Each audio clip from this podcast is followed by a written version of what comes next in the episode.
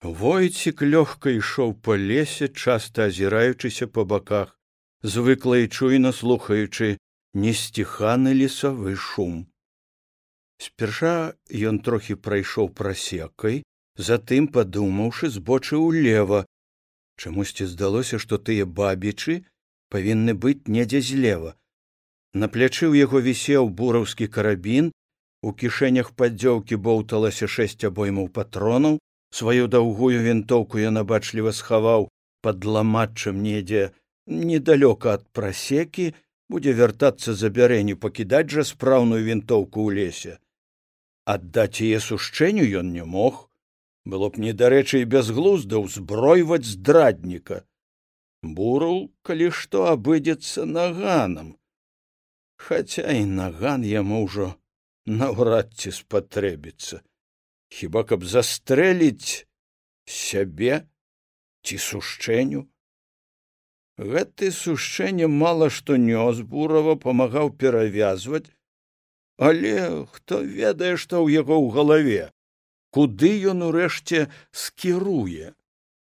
Яшчэ возьме ды адвалачэ таго ў паліцыю. За якую для сябе выгаду бураў кажа не чапай сушчэню але бураву лацвей так казаць. Мабыць яму няма ўжо чаго баяцца.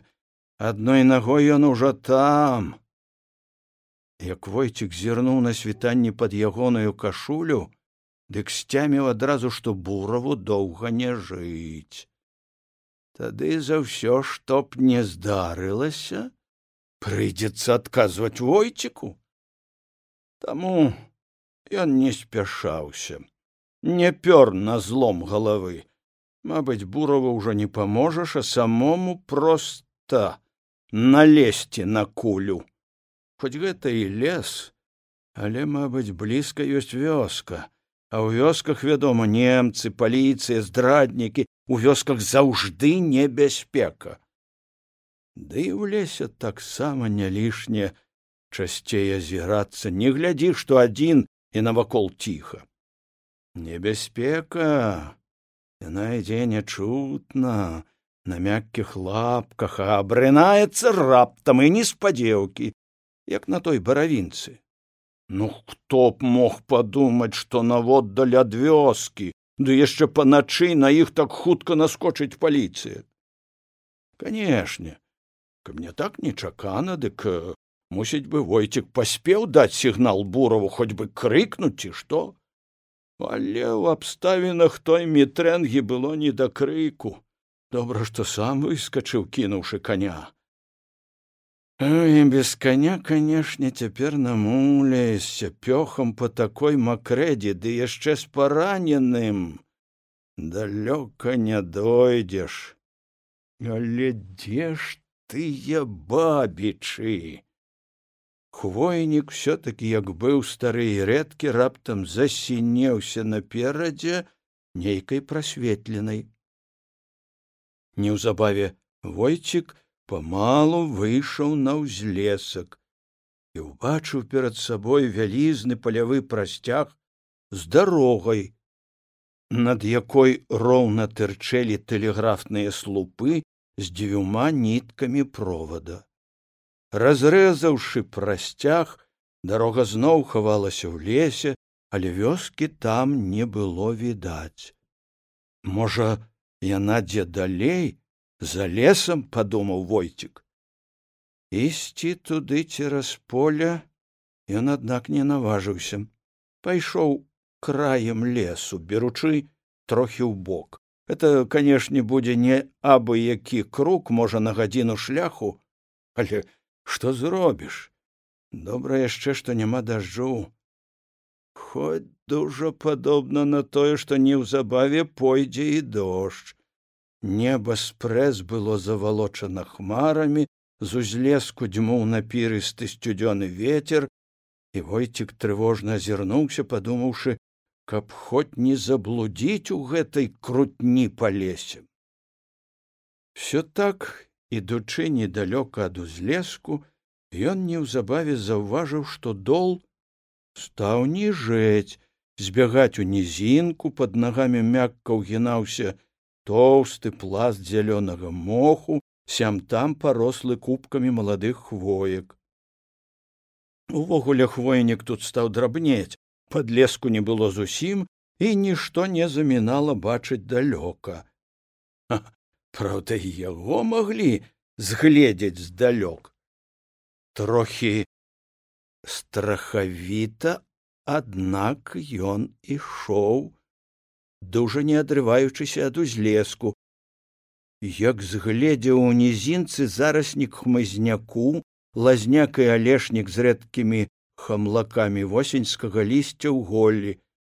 Войцік здагадаўся што там недзе рэчка это яго засмуціла пералезці цераз раку па гэткай макрэдзі мусіць будзе непросто. Так яно і аказалася калі ён сышоў ніжэй. У балоцістых берагах стаяла вада рэчка мабыць была яшчэ далей. Але разліўшыся затапіла куп'ё алешнік. Ну як было цераз яе перабрацца падумаўшы і паазіраўшыся войцік павярнуў берагам улева да ўзлеску і там яшчэ агледзеўшы пусты прасцяг восеньскага поля памалу выйшаў з прыбярэжнага кустоўя і раптам стаў.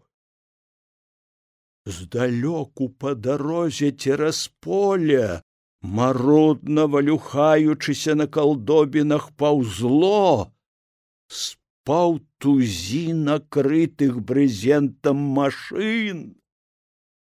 Войцік спярша знерухоміў уцяў галаву ў плечы пасля сеў на воглы прырэчны ўзмежак і задам дужа ўгнуўшыся падаўся назад у лес. Там усё ўгінаючыся азірнуўся машыны падышлі бліжэй вялізныя зеленаватыя ў плямах буды праз ветер быў чутны глухі вуркат іхніх рукавікоў але войцік не стаў зірацца ён хутка пашыбаваў над прырэчнай балацявінай глыб лесу. Мусіць у тыя бабічы цяпер ужо не далезці падумаў ён. Там раней за яго будуць немцы але што там спатрэбілася немцам? Можа паедуць далей? Толькі куды? Бабічы пад пушчай казаў сушчэнне значыць дарога адтуль ідзе ў пушчу але ў пушчы партызаны іхні атраты мясу ворова тады ці не карнікі гэта? Але калі карнікі? Дык як жа яму цяпер лезці ў іхнія лапы праз якую гадзіну ён добра ўжо адышоўшыся ад таго поля з дарогай вакол стаяў мешаны лес бярэзнік кустоўе з хворастам у доле ісці стала трудней але яму трапілася нейкая перакапаная кратамі сцяжына і ён пашыбаваў па ёй. Ён думаў што гэтая сцежка выведзе яго на якую лесавую дарогу ці можа наогул з лесу аж яна разы тры завярнуўшы сюды туды уперлася ў лесавы ручай што верліва гнаў чорную ваду між падмытага куп'я алешніку. Кладкі тут не было ніякай. Дна таксама не было відаць і трохі прымерыўшыся войцік шугануў у чорную ваду. За якіх пяць крокаў ён адолеў ручай і выкараскаўся з яго тваністага дна. Пасля мусіў пераабувацца выліваць з чаравікаў ваду выкручваць анучы. Намуленыя ступні ног страшэнна азяблі ды ён і сам скалеў. І нарэшце шпарка прыпусціў па сцяжыне каб хоць сагрэцца. Але на бягу не так угрэўся як прытаміўся і пайшоў памалу. Сцяжына вывела яго на нейкую лесавую прагаліну. Тут трэба было агледзецца і паслухаць. Здаецца аднак скрозь было ціха. Абапал сцяной стаяў густаваты хвойнік, а злева на краі прагаліны пад кустоўем ляшчынніку мясціліся два закінутыя буданы з палкамі рабрынамі прадраных баках. Войцік зазірнуў у адзін, там было пуста. У кутку ляжала трохі ўчарнелага сена і бялела некалькі жаўцелых брудных паперын. Ён пайшоў далей праз ельнік, мінуў астравок бярэзніку і тут заўважыў што сцежка ў доле знікла под нагамі слалася коўдра зелянелага моху. Трапляліся струхлелыя пянькі ў жорсткіх зарасніках папарці войцік здаецца страціў адчуванне напрамку куды ішоў ён не мог сабе ўявіць было падобна на тое што ён заблудзіў. І тут як на ліха пасыпаў дождж. Не густы не надта напоры сталі сцюдзёны і зусім недарэчны. Казыркастая войцікава кепка і плечы ў паддзёўцы ўжо добра змакрэлі ногі аж да калень даўно былі мокрыя і ён стаў пад хвоінай думаў што рабіць далей? Куды ісці тым болей што пачало ўжо брацца на змрок. Дзень у вачавіткі канчаўся насоўвалася восеньская ноч. А дзе ён апынуўся?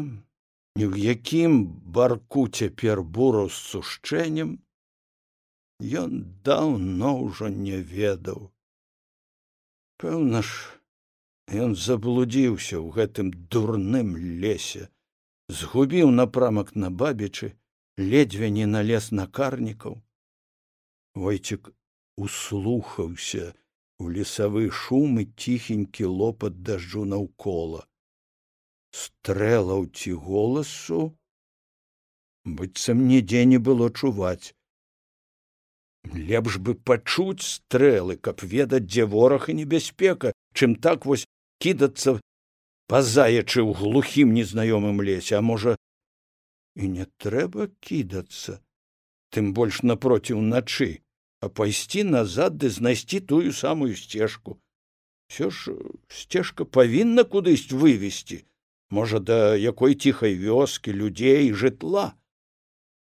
Разважыўшы так і адчуўшы што пачынае нервавацца ад сваёй няўдачы войцік хуткім крокам пашыбаваў назад да недалёкай прагаліны тым часам дождж пасыпаў гусцей. Аднекуль з-пад хвой прорываўся настырны нізавы ветер і не было дзе ад яго захінуцца. На прагаліне войцік яшчэ зазірнуў буданы. Адзін з іх добра абкладзены збоку хваёвымі лапкамі быў трохі цалейшы. І войцік неяк не ўладца сваімі намерамі прыгнуўся ды сунуўся туды на кукішках. Сапраўды тут было зацішней под бокам угіналася зляжалае але не надта воглае сена под якім гойдаўся тоўста накладзены пласт моху. Адчуўшы раптоўную знямогу ў целе войцік бокам прылёг у куточку Ён не меў намеру тут начаваць, хіба спачыць трошки, можа перачакаць дождж, зноў жа трэба было абдумаць, куды кіраваць далей. Ці можа пачакаць ужо да ранку. Ранкам заўжды лепш пачынаць усякую справу раніцай яшчэ ў першую квадру месяца на маладзік як некалі казала маці. Праўда, войцік даволі скептычна ставіўся да прымхаў і правіл маці непісьменнай старой жанчыны якая змалку да старасці жыла на хутары і не ведала нічога апроч зямлі працы ды таго што яна кожнага дня бачыла навокал сябе.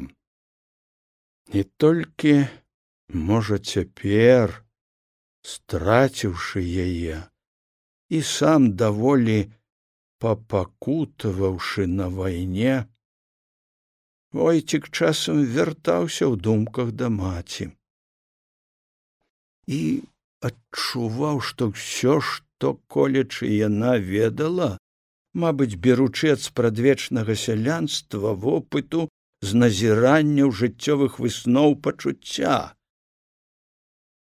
На жаль, яе неадмысловыя веды мала стасаваліся да гэтага трывожнага веку. Тут ужо пэўна трэба былі веды іншага складу, іншыя маральныя меркі.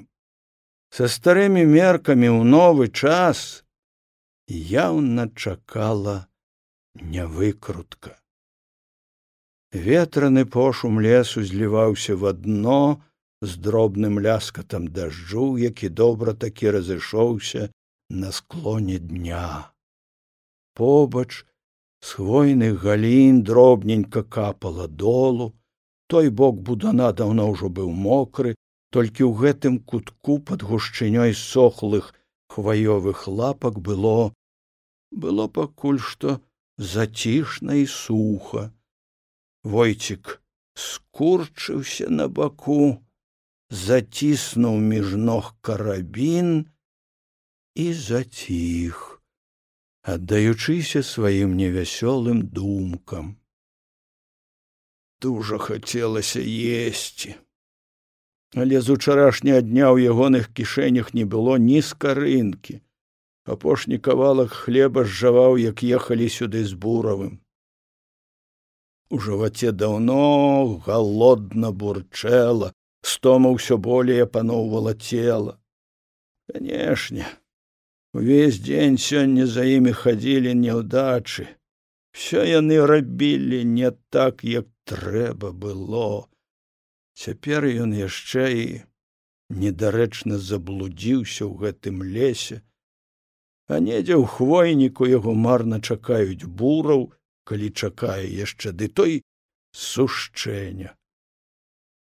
Калі ўжо на добры розум, дык па каня трэба было паслаць менавіта сушчэнню. Той лепей ведаў дзе тут якая вёска. Але як было? Даверыцца гэтаму сушчэнні. Яшчэ прывёў бы паліцаяў і тыя ўзялі па бодвух як зайчэнят у хвойніку.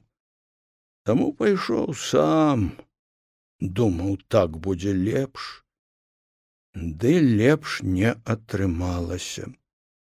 Ну але мабыць ранкам ён што-небудзь прыдумае прыдумаць што здатнае ён умеў змалку людзі казалі што быў галавасты іншая справа што войціку часам не хапала цвёрдасці мужчынскай упэўненасці але тут ужо не яго віна мусіць такім нарадзіўся і ён ведаў гэта даўно зайздросціў іншым цвёрдым і рашучым не такім як сам.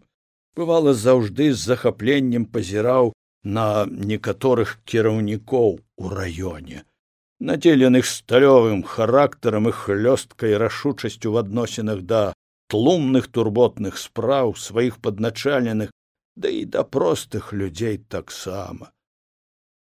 Сам так не ўмеў не валодаў такімі здольнасцямі у тыя гады як яны праводзілі суцэльную калектывізацыю ў раёне тая сталёвая рашучасць была можа самай каштоўнаю якасцю кожнага кіраўніка ці упаўнаважанага.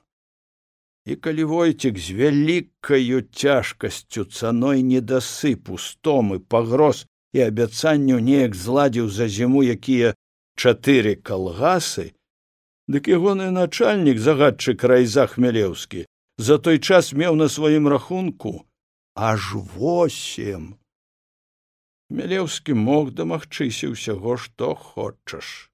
Ён не рассусольваў як некаторыя не ўгаворваў і не бавіў начэй на маляўкіх сялянскіх сходах. Ён ставіў пытанне рубам абрываў нязгодных проста і нават весела раскулачваў і тады кожнаму рабілася зразумела гэты свайго даб'ецца.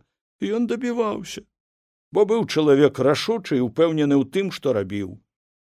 Варта было аднойчы ўбачыць яго ўпэўненыя манеры мажную паставу яго крутое асадістае падбароддзе каб зразумець што гэта кіраўнік вялікіх магчымасцей пойдзе далёка войцік жа быў слабаваты характарам а з выгляду Ой, які ўжо выгляд у здыхляка недаростка ды яшчэ хворага на язву страўніка. Так хмелеўскі аж за тры гады быў ягоным начальнікам і ягоным ідэалам кіраўніка. І хто б падумаў што гэты ідэал так ганебна скончыць аднойчы пасля ўжо высветлілася што знюхаўся з класавым ворагам. На сходах прапагандаваў адно а рабіў зусім іншае і цішком шкодзіў уладзе.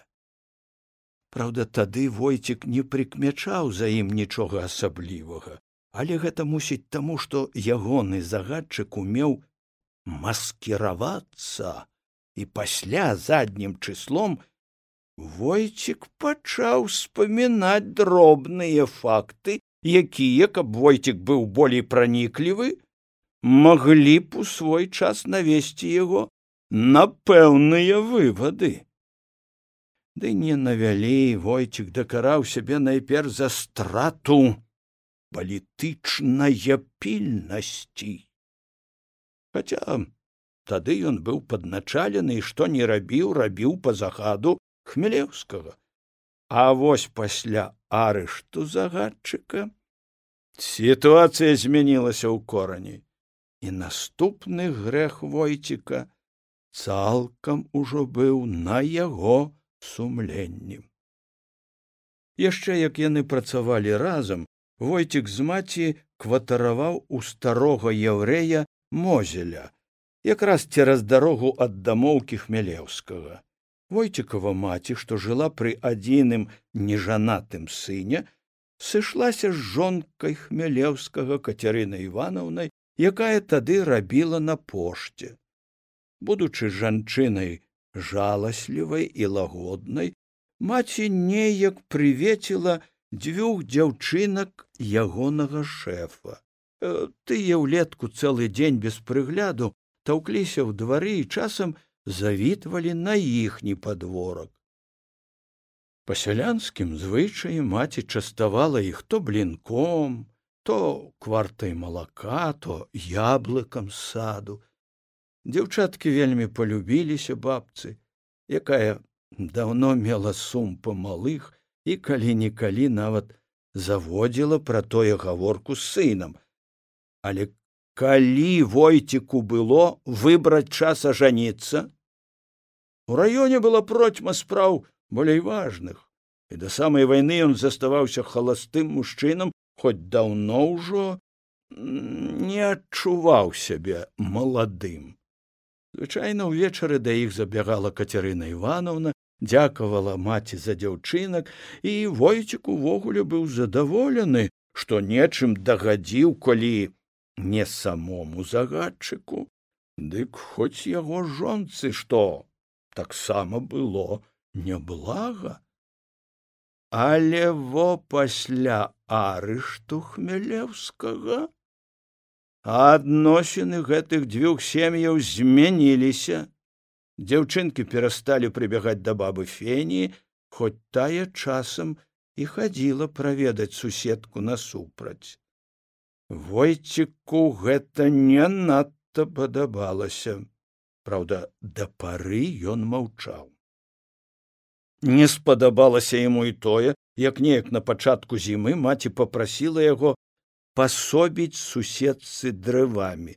сядзіць бедная у няпаленай хаце дзеткі хварэюць дроў чуеш сынку дроў у двары не палкі войціку якраз меліся прывесці тады тры вазы дроў. Дык маці попрасіла каб некалькі палак скінуць под плотам кацярыны ивановны ім жа і без таго хопіць. Палілі яны не штодня. Не спадабалася тая просьба войціку але ён змоўчаў. Не стаў нічога тлумачыць маці. Ды і што б яна зразумела з усяе складанасці класавай барацьбы якая разгарнулася ў краіне? Назаўтра як прывезлі яму тры вазы дроў ён сказаў вожчыку скінуць тры бервяны леварот хмелеўскай. Хто б тады мог меркаваць што праз месяц і гэтая кацярына ивановна апынецца там дзе ўжо апынуўся яе гаспадар былы загадчык райзай і шкоднік кузьма хмелеўскі а войцік пасля? Ага ледзьве апраўдаўся? Чаго тады ён не нагаварыў на сябе? І што не зарыентаваўся? Страціў палітычную пільнасць праявіў гнілы лібералізм. Горш то простой выпадак яго не прызначылі на месцах мелеўскага прызначылі душняка які ў сельскай гаспадарцы наўрад ці што петрыў бо быў рабочы з полацка. Войцік тады вельмі зазлаваў на маці якая так неспадзеўкі спляжыла ягоную кар'еру трэба было ім шкадаваць гэтых хмялеўскіх іншыя не шкадавалі не спагадвалі не памаглі ні разу. Хоць тады як хмялеўскі ліха кіраваў аддзелам падлізваліся да яго з усёй сілы. Той выпадак паслужыў войціку добрым урокам у жыцці. І можа перасцярог ад многіх іншых памылак хоць канешне цвёрдасці ў характары ад таго не прыбавілася але ён імкнуўся яе выхаваць. Быў. Но ён ужо ж быў вучаны. Ягоная ж злосць на маці памалу стала мінацца. А ў вайну дык і знікла зусім саступіўшы месца вялікаму шкадаванню да яе але гэта ўжо зразумела. Маці прыняла пакутніцкую смерць за сына мо нейкім чынам захінула яго. Здарылася тое мінулаю восенню як у раёне запанавалі немцы і пачаліся аблавы на камуністаў камсамольцаў былы раённы актыў. Партызан паблізу тады не было туляцца па лесе напроціў зімы мала хто наважыўся і ратаваліся як дзе хто ўмеў войцік дачуўся што паліцыя ўрэшце зацікавілася ім і пару разоў урывалася паначы у апусцелы дом мозеля. Ды марна. Ойціка там вядома не было ён хаваўся ў дальняга родзіча на прылесным хутары за пятнаццаць кіламетраў ад мястэчка але маці заставалася дома. За яе войцік не надта трывожыўся. Што паліцаі маглі зрабіць ёй старой цёмнай бабе? Нашто яна ім? Але зрабілі. На трэці раз не застаўшы войціка дома яны забралі ягоную маці і сказалі што калі ён сам добраахвотна не прыйдзе ў паліцыю дык пакараюць яе. І тады маці перадала праз знаёмую прыбіральшчыцу што калісьці рабіла у бальніцы каб не ішоў. Яна ўжо старая ёй усё роўна а ён малады яму трэба жыць. Пабедаваў тады войцік асабліва калі дачуўся што маці і праўда забілі з вялікаю групай местачкоўцаў. І гэтаму яго бедаванню здаецца не будзе канца. Шкада яму маці і чым далей тым больш. Ну але што зробіш закалыханы ў будане дажджом і блізкім лесавым шумам войцік неўпрыцям заснуў скурчыўшыся на баку і неўзабаве сасніў нейкі дзіўны безглузды сон. Прысніўся яму яго жоўты скураны портфель які ён за тры кіло сала некалі прыдбаў у бежанца з польшчы. Портфель быў цудоўны з тоўстай свіной скуры на тры аддзяленні з двума блішчастымі замкамі зашчэпкамі якія хлёстка шчоўкалі калі іх ціскануць пальцамі. Такога портфеля не меў ніводзін службовец у раёне. Ды мабыць і ва ўсёй вобласці войцік дужа шанаваў яго стараўся не надта набіваць паперамі насіў толькі на працу выканком ды яшчэ браў калі ехаў у віцебск са справаздачай або на якую нараду. У вагоне ён заўжды клаў яго под падушку але так каб не дужа прыціскаць галавой не пашкодзіць акуратныя ражкі аблямаваныя жоўтымі бляшкамі ён дужа баяўся каб яго не ўкралі калі адлучаўся ў прыбіральню ранкам але тады Усё абышлося добра, портфель ён збярог да самай вайны. Як у мястэчку паявіліся немцы, схаваў яго на гарышчы за комінам. І вось цяпер ён прысніў той портфель, які быццам ляжаў на дашчаным стале штабной зямлянцы, а побач стаяла начальство. Камандзір Трушкевич начальнік штаба і яшчэ нехта яны чакалі войціка і калі той увайшоў загадалі расчыніць портфель не ведаючы што там і дужа баючыся чагось войцік дрыготкімі пальцамі націснуў на знаёмыя зашчапкі падняў скураное вечка портфеля ён з непакоем чакаў убачыць там свае паперы некаторыя дакументы і даведкі а з портфеля раптам выкацілася вялікая гусіная яйка. За ім яшчэ два. Оказывается там было поўна яек.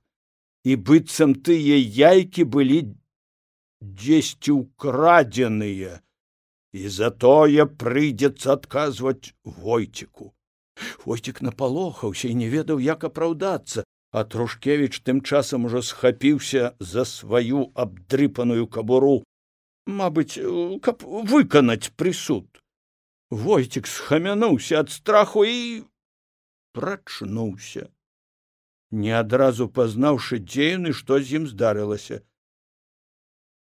нейкі час затым ён перажываў сон не ў стане вызваліцца адразу ад яго брыдка страхавітага сэнсу і ўсё суцяшаў сябе што глупства гэтыя яйкі і вся гэтая недарэчная сцэна не хапала яшчэ яму палохацца сноў.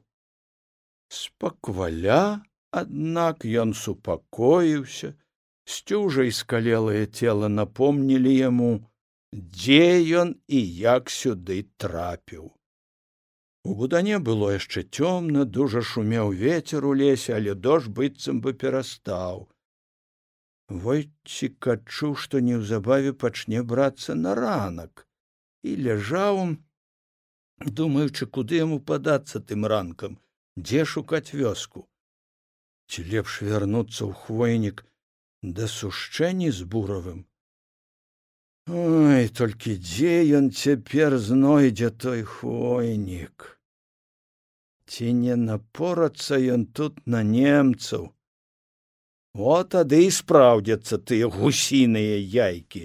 Сасніць якія паводле вясковага павер'я азначала трапіць у бяду Мабыць, ён і яшчэ трохі заснуў, як прачнуўся наўкола ўжо добра увіднела. Побач відаць стала абвялае вецце, чорныя жэрткі ў гары, і ён на кукішках выбраўся з будана.